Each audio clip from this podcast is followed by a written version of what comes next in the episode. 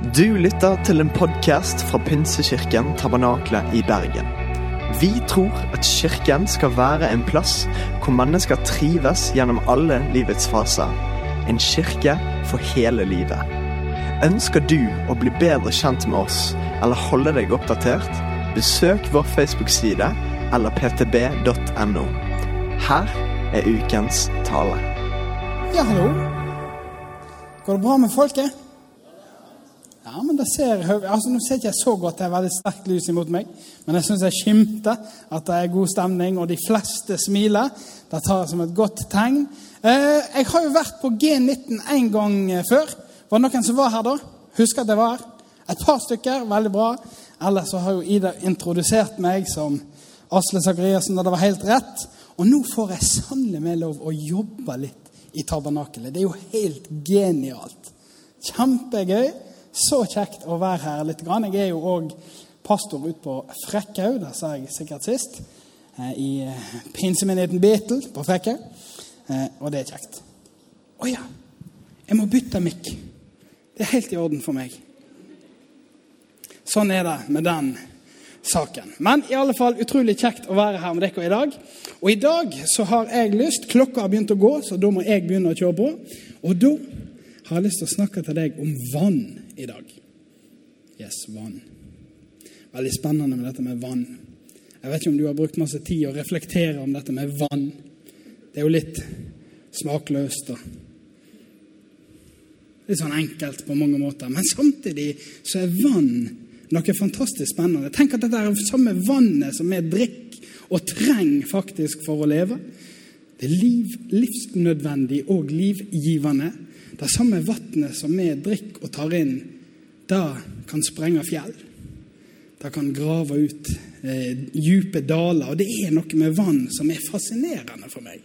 Eh, og jeg klarer ikke helt å forklare det på andre måter enn at det er litt stilig, dette med vann. Og i dag Det blir ikke en sånn kostholdstale. Da kan du bare slappe helt av med. Da må det få noen andre til å komme, for kosthold det kan jeg ingenting om. Jeg har prøvd, men det går ikke. Jeg liker gode ting. Så enkelt er det. Men i alle fall, vann er fascinerende. Og Jeg har lyst til å gi deg noen eksempler, fordi at det viser seg at Guds ord har masse sånne vanngreier i seg. Jeg vet ikke om du har tenkt over det, men du kanskje tenker du med en gang ja, Jesus gjorde jo vann om til vin, og det var jo en stilig mirakel som han gjorde, og tegn som Johannes tar med i Johannesevangeliet, som viser at han er eh, Guds sønn. Han er Kristus. Men la meg fortelle deg om dette her. I Bibelen, helt, hvis vi hadde begynt helt i begynnelsen i Første Mosebok, så kunne vi lest i den skapelsesberetningen som er i Første Mosebok kapittel 2. Og der ville du møtt ei elv. Det renner ei elv gjennom hagen, og den elva som renner gjennom hagen, den gir liv til hagen. Den, den, det vannforsyningssystemet i hagen for disse, alle disse trærne og alt dette som vokser i hagen, før vi fikk lov å spise kjøtt. Sånn var det. Og så kan vi hoppe til Esekiel, profeten Esekiel. Og dette er et vers som hvis du har vært på karismatiske møter noen gang, der det er litt enda sånn hæla i taket-stemning, så har du kanskje hørt om elva fra Esekiel. For det er mange som er veldig glad i å snakke om den elva fra Esekiel. Eh, og hvis du har hørt den før, så har du garantert hørt et eller annet som ligner på dette.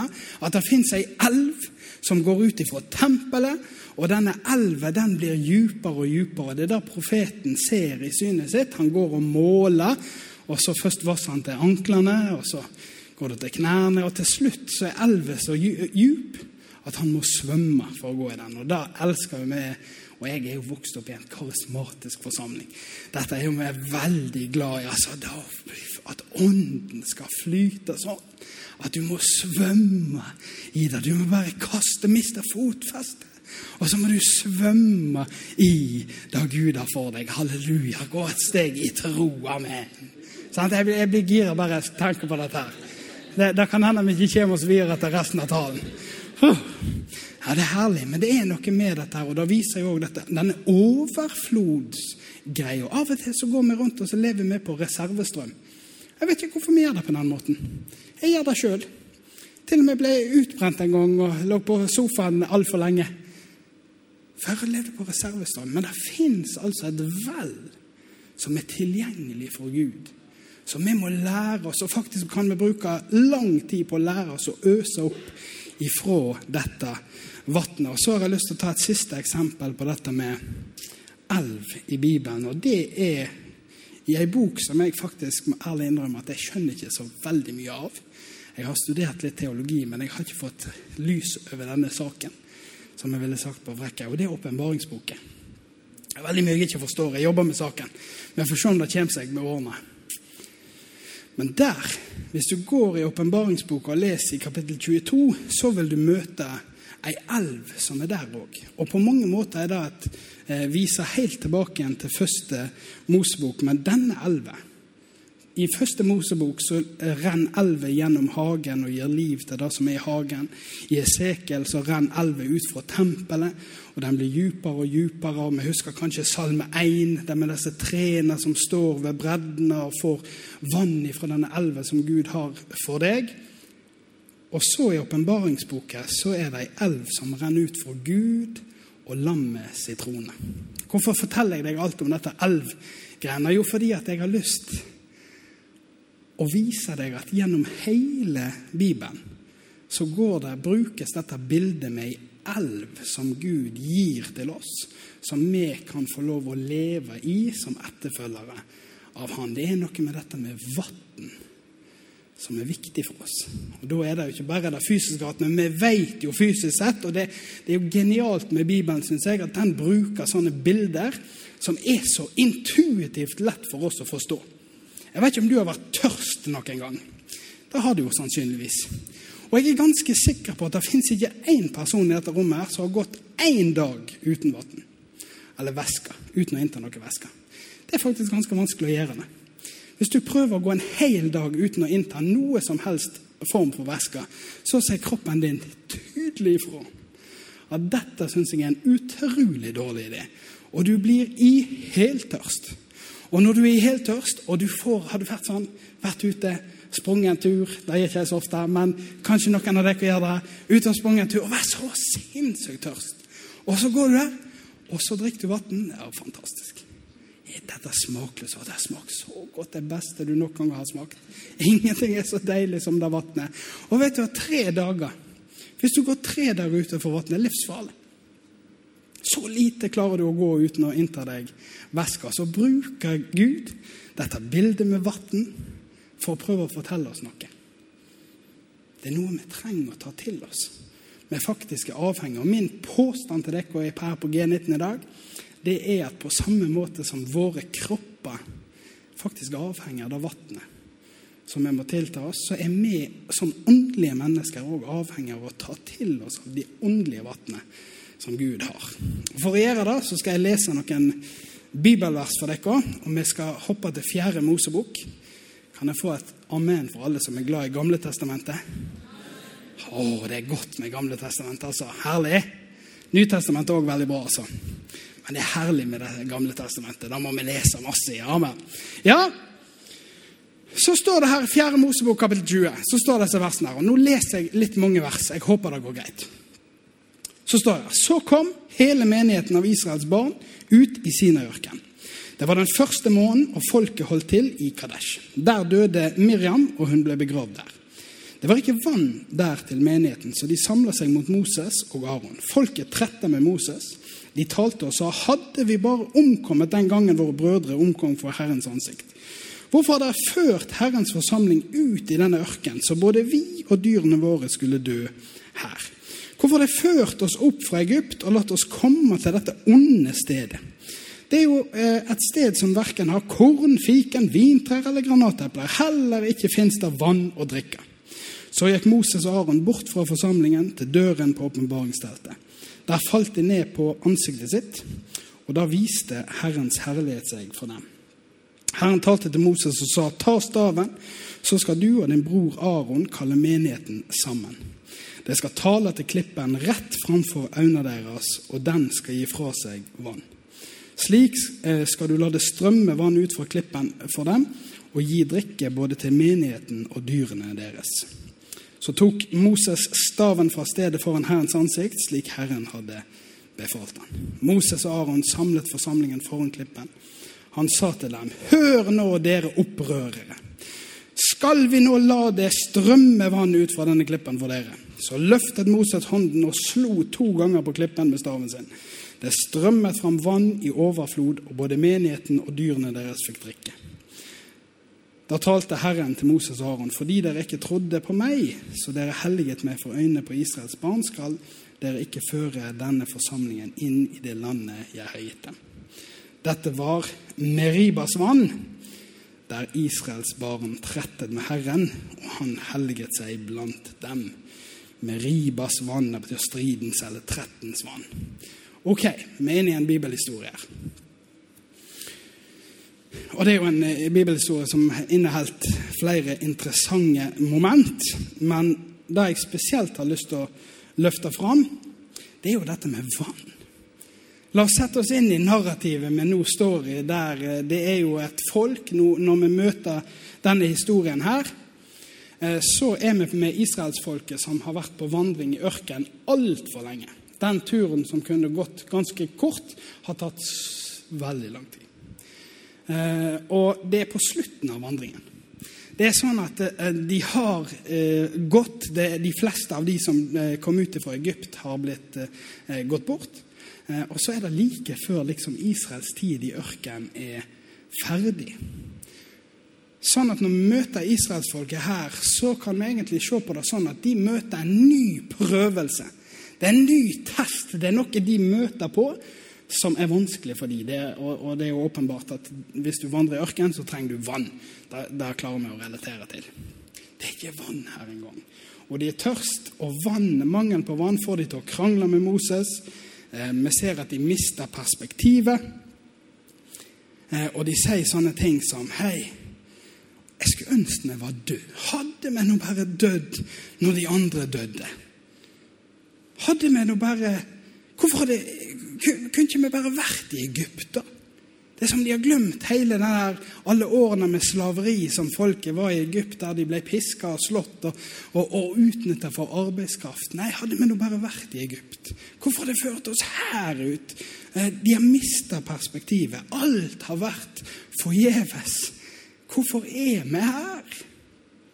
Og vannet, mangelen på vannet, gjør noe med perspektivene deres. Tvilen og mismotet sniker seg inn og griper hjertene deres. Og jeg tror at For at vi skal forstå litt av det som skjer her, så, så tror jeg vi må skjønne den vandringen israelsfolket har vært på. Det er ikke sånn at israelsfolket hvis, hvis du og jeg hadde gått ut i ørkenen og ikke fått vann, så hadde vi fått panikk. Det, det, det er sketchy stuff. Det går ikke lang tid før du får ganske panikken ute i ørkenen der. Og det, er det det god grunn til. Israelsfolka hadde nå vandra omtrent 40 år i ørkenen, og hva hadde de fått opplevd? De hadde fått opplevd at vannet delte seg, havet delte seg, og de fikk gå over på andre sida. De hadde fått opplevd at manna kom ned fra himmelen. De hadde fått opplevd ei skystøtte som leda de, ei ildstøtte som leda de. De hadde fått opplevd at Gud talte fra berget til folket, sånn at de ble livredde og sa hei, hei, du, Moses, jeg tror du snakker med Gud. Og så bare fortell du oss hva vi skal gjøre, for det der tør ikke vi å være med på. Dette er folk som har hatt en historie med Gud. Og denne historien møter de nå i et nytt mangel. De hadde faktisk en forhistorie som kanskje hadde forberedt dem på at de nettopp nå sto i en ny situasjon der de mangla noe som de trengte. Og historien, hør, historien israelsfolk hadde hatt, ga egentlig svaret på hva som kom til å skje. Men de glemte det. De mista perspektivene. Og den Gud som hadde ført dem så langt, så tenkte de nå kommer han sikkert til å la oss i stikken. Og Moses han, Vi får jo egentlig nå bevitne den historien der Moses, denne herlige typen, som har ledet dette folket, han er jo drittlei. Det er jo et ord til leder òg. Eh, vi kan jo bli lei av hverandre av og til. Ikke her inne, selvfølgelig, men andre plasser. Og Moses, han han òg mister perspektiv. Moses òg mista litt som blikket på det som han holdt på med. Han er irritert. Han har fått et ord fra Gud. Det er dette du skal gjøre. Du skal samle folket, du skal tale til klippen. Eh, og så skal vannet strømme ut. Og så blir det et tegn om at Gud var med oss denne gangen òg. Wow! Men Moses han går opp til folk og så sier vet du hva, det er noen kranglefanter. Jeg er så utrolig lei av dere. Og så tar han stokken sin og så smeller han to ganger på klippen, og så går han derifra. Så gir han ikke Gud æren. Men vannet strømmer likevel fram. Ja vel, Asle. Vi skjønner greia. Men Paulus, når vi møter første Korinterbrev, kapittel 10 og vers 4, så begynner Paulus å forklare oss at høyr, dette som vi leser om i Gamle testamentet her, det er noe som lærer oss noe òg om de åndelige ting. Og han sier i 1. Korinterbrev 10 vers 4 så sier han at de drakk alle av den samme åndelige drikken. Og, og den, for de drakk ifra berget som fulgte de, og berget var Kristus. Sånn at vi, han, han, han åndeliggjør dette og sier at dette har relevans òg for oss.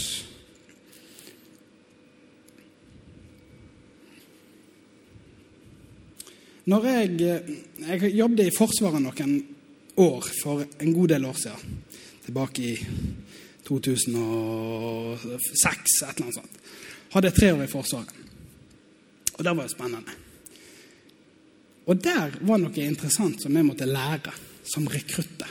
Er det noen som ser Kompani Lauritzen her?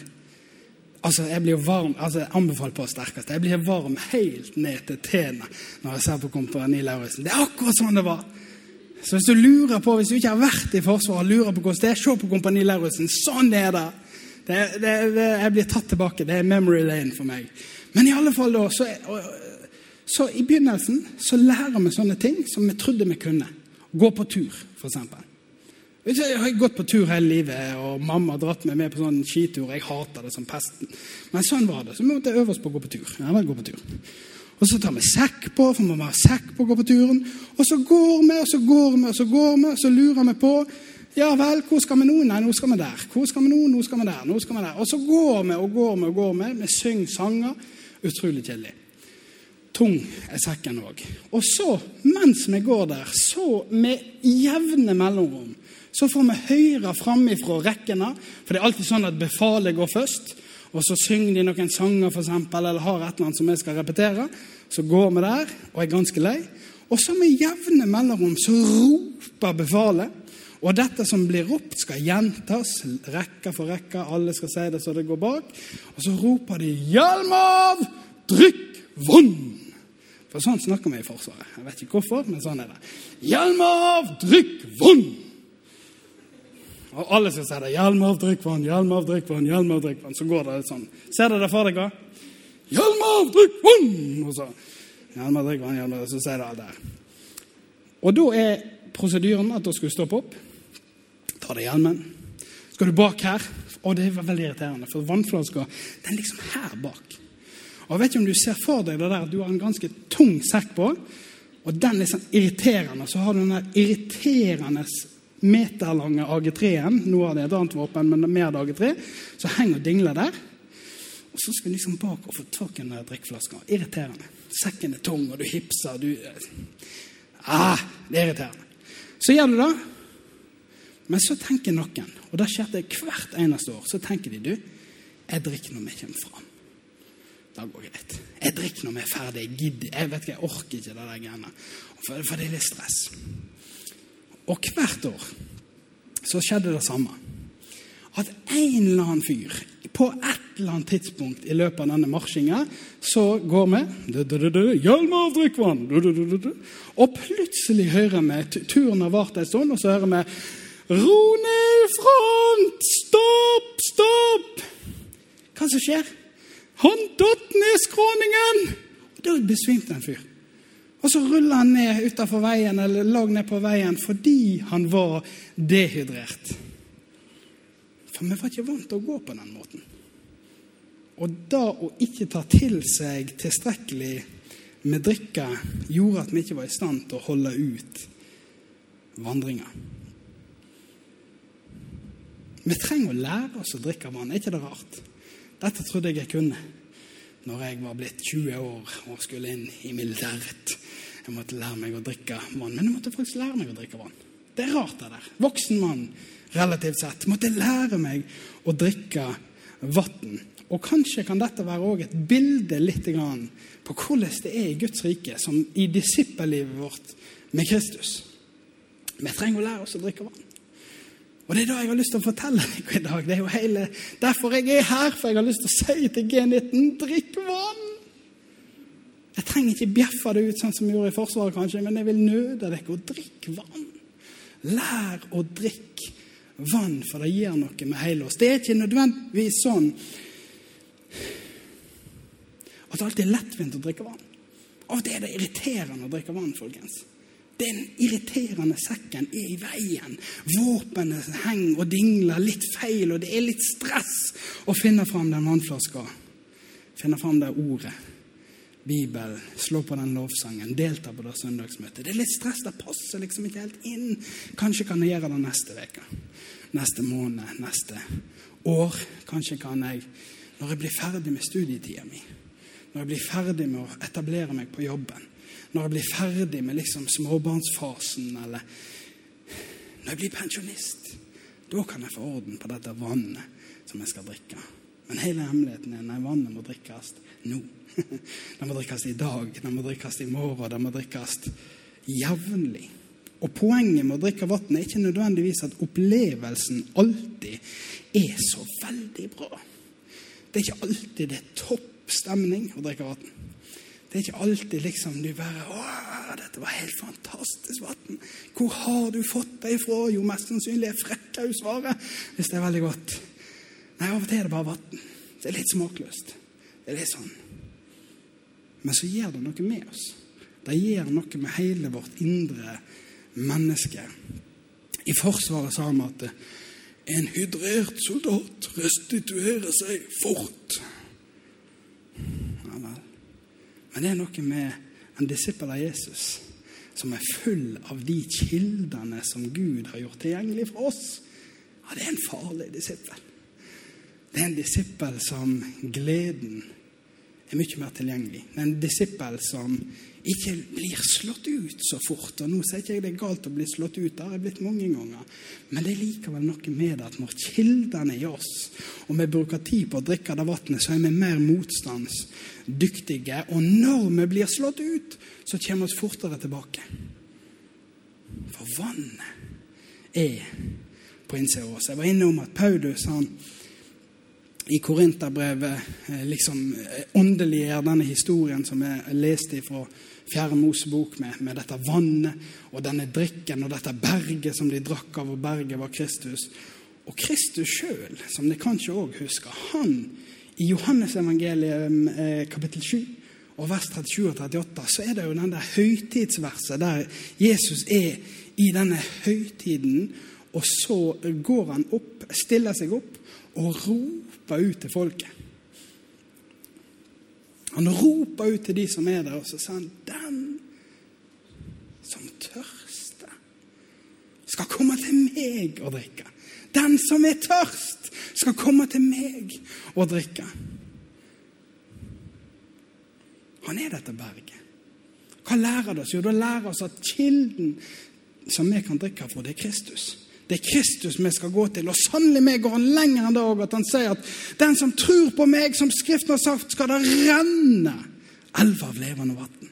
Fra hans indre, fra hennes indre, skal det flyte fram strømmer av levende vann. Det vannet du drikker, de kildene du tar til deg fra Kristus, blir en kilde i deg.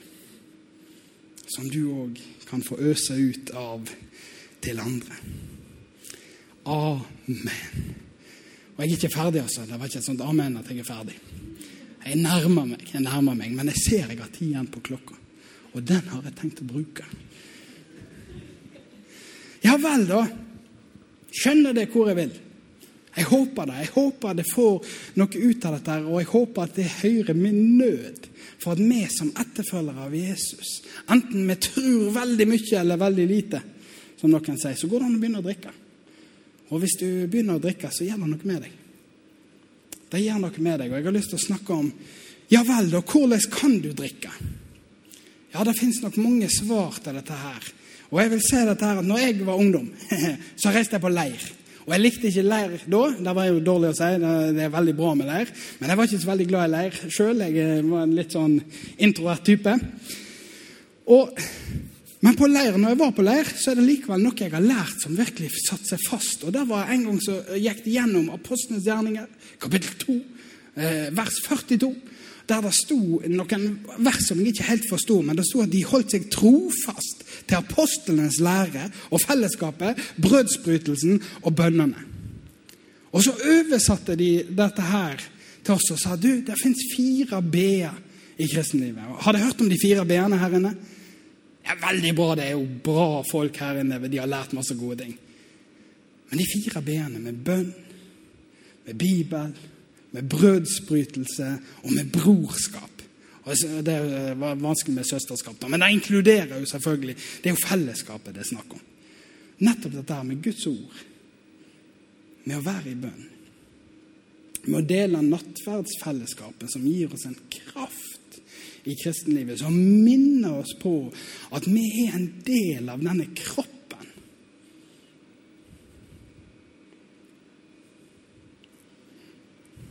fellesskapet som vi kan stå sterkt i. Eh, og vi trenger virkelig. Jeg håper du har en god bror, jeg håper du har en god søster som du kan dele livet med. Og Dessverre så er det litt sånn at når vi snakker om de her åndelige disiplinene, så er det ofte litt sånn at åh, så synker skuldrene våre litt, og så å, nei, eller de heves alt etter sånn, hvordan det fungerer. Og så, så blir det litt sånn atter en greie å ha på liksom to do-lista mi. Og, og, og det ønsker jeg virkelig ikke at det skal være. Du, eh, det er jo noe med at når vi lever etter verdiene våre, så er motivasjonen utrolig høyere enn når vi skal liksom fokusere på at vi bare får gjort alle de her ytre tingene. Men hva er det på innsida vi vil ha tak i? Ja, Da kan kanskje motivasjonen være andre. Du har kanskje hørt at det er slagordet som 'Du blir hva du spiser'. Har du hørt det? Og det er jo knekkebrødreklame. Og det har jeg aldri forstått. Da må jeg være helt ærlig med deg. Jeg syns det er en sånn marketingfeil. Eh, men det kan jeg veldig lite om. Men hvem er det som vil bli en sprø tør, tørrpinn? Jeg vet ikke hvem det er. Du blir hva du spiser, en sprø tørrpinn. Det er ikke veldig attraktivt for meg, i alle fall. Kanskje har jeg misforstått noe. Men likevel så syns jeg at slagordet har noe for seg. For det vi tar inn, det gjør noe med oss. Den kilden som vi velger å drikke av, den blir en del av oss. Den preger oss, og den gjør noe med oss på innsida. Og da tenker jeg at vi som etterfølgere av Jesus vi kan øve et positivt drikkepress på hverandre. Det er et merkelig ord, men det fins et positivt drikkepress, er min påstand til deg. Og da skal jeg gå til hebreerbrevet. Det er den siste plassen i ordet jeg skal gå til i dag. Men da skal jeg gå til hebreerbrevet, kapittel 3. Og Der òg blir det litt lesing til dere. Går det greit? Går det greit med litt bibellesing her på G19? Veldig bra. Det var kjekt å høre. Derfor står det i Hebreabrevet Hebreerbrevet 3 fra vers 7. Derfor, som Den hellige ånd sier, i dag, om dere hører Hans røst, da forherd ikke deres hjerter som må opprøre på fristelsens dag i ørkenen. Der er vi i ørkenen, vet du. Der var deres fedre fristet og prøvde meg, de som hadde sett mine gjerninger i 40 år. Derfor ble jeg vred på den slekten og sa, de farer alltid vill i hjertet og har ikke kjent mine veier. Så sverget jeg min vrede, de skal ikke komme inn til min hvile. Se til, søsken, hør, se til, søsken, at det ikke er et ondt vantroens hjerte i noen av dere, så dere faller fra den levende Gud, men forman hverandre daglig, så lenge det heter i dag, så ingen av dere skal bli forherdet ved syndens bedrag. For vi har fått del i Kristus, så sant vi helt til enden holder fast på den tillit vi hadde fra begynnelsen. For det blir sagt i dag om dere hører hans røst, da forherd ikke deres hjerter som under opprøret. Det er et formaningsord til oss, og jeg håper du elsker formaningsord. Det er noe, det er noe vi trenger. Du og jeg, vi trenger et formaningsord i livet. Og det er fantastisk. Og, og her roper jo Bibelen ut til oss. Ikke forherd hjertene. Ikke skubb vekk og still deg på avstand fra de tingene når du, når du blir dratt inn imot Gud og dratt inn imot Hans nærvær. Men, og hvor kommer dette positive drikkepresset fra? Jo, det kommer fra vers 13 her. Men forman hverandre daglig så lenge det heter i dag. Så ingen av dere skal bli forherdet ved syndens bedrag. Du og jeg kan øve et positivt drikkepress, forstår du begrepet nå, eh, på hverandre der vi kan. Og dette ordet 'formana', parakleo, det betyr Det kan oversettes formaning, det kan oversettes oppmuntring. Det er et ord som i dette drikke- eller vannbildet Det er som om du spruter vann på den som står ved siden av deg. Det er som om du tar ifra den drikkeflaska du har, ifra den kilden du har fått, ifra Gud, og så øser du over på din kjære bror eller kjære søster. Vi kan alle komme der at vi opplever det vanskelig å gå til kildene. Vi kan alle komme der at vi er inne i tørre perioder, ørkenvandringer i våre egne liv. La oss da være flinke på å formane og oppmuntre hverandre daglig. Altså med jevne mellomrom og hyppig, ikke bare én gang i skuddåret. Ikke bare én gang eh, når du blir helt på å si, en stor høytid, et eller annet skjer midt i livet, 50 år, da kan du få en oppmuntring, og neste når du er 100. Nei! La det være en vane i livet. Der vi oppmuntrer og spruter vann på hverandre. La oss være sånne vannspredere som veter hverandre med det som Gud har for oss, sånn at det blir lett å ta imot de kildene Gud har for oss. Paulus han er jo eh, virkelig Jeg er veldig glad i å lese Paulus i Bibelen. vet du. Og han har jo dette her òg, at han formaner Efeser-menigheten med dette ordet som de sikkert kjenner. Drikk deg ikke full av vin, for det fører bare til utskeielse. Men hva står det så? Men bli fulgt av Ånden. Av og til er jo dette verset blitt et sånn avholdsbevegelsesvers. Vi skal ikke gå inn i den debatten akkurat nå, men hei, det er altfor lite eh, å tenke at dette er et avholdsbevegelsesvers. Drikk deg ikke full av vin, for det fører bare til utskeielse. Det fins et men i den setningen. Men bli fylt. Bli fylt av Ånden. La Den hellige ånd få fylle. Vin kan fylle deg absolutt, og den kan gjøre at du slipper deg løs og blir glad og danser og alt mulig. Jeg vet ikke hva det er for noe. Men Ånden kan i så mye større grad sette deg fri, fylle deg opp og gjøre deg salig, lykkelig og glad som ingenting annet kan gjøre. Bli fylt av Ånden. Og Nå vil jeg invitere lovsangerne opp. De kan få gjøre seg klar. Og så har jeg lyst til å spørre, eller si til dere, at hvis dette begrepet for å bli fylt av Ånden det er ikke et engangshendelsesbegrep hvis du studerer språket og grunnteksten. Det ut, gir uttrykk for en kontinuerlig eller vedvarende fylde av Ånden. Det er ikke et engangsgreie. En gang ble jeg fylt av Ånden på et ungdomsmøte en eller annen plass. Men det er noe vi stadig kan bli, og noe vi faktisk er kalt til å stadig være. Så min avsluttende utfordring til oss her i dag, det er la oss ta den utfordringen. Både med å utøve dette positive Det er negativt å kalle det drikkepress, men det er bare for å vekke deg opp på kvelden. Men la oss ta på alvor at vi faktisk kan være en oase for de som står rundt oss òg.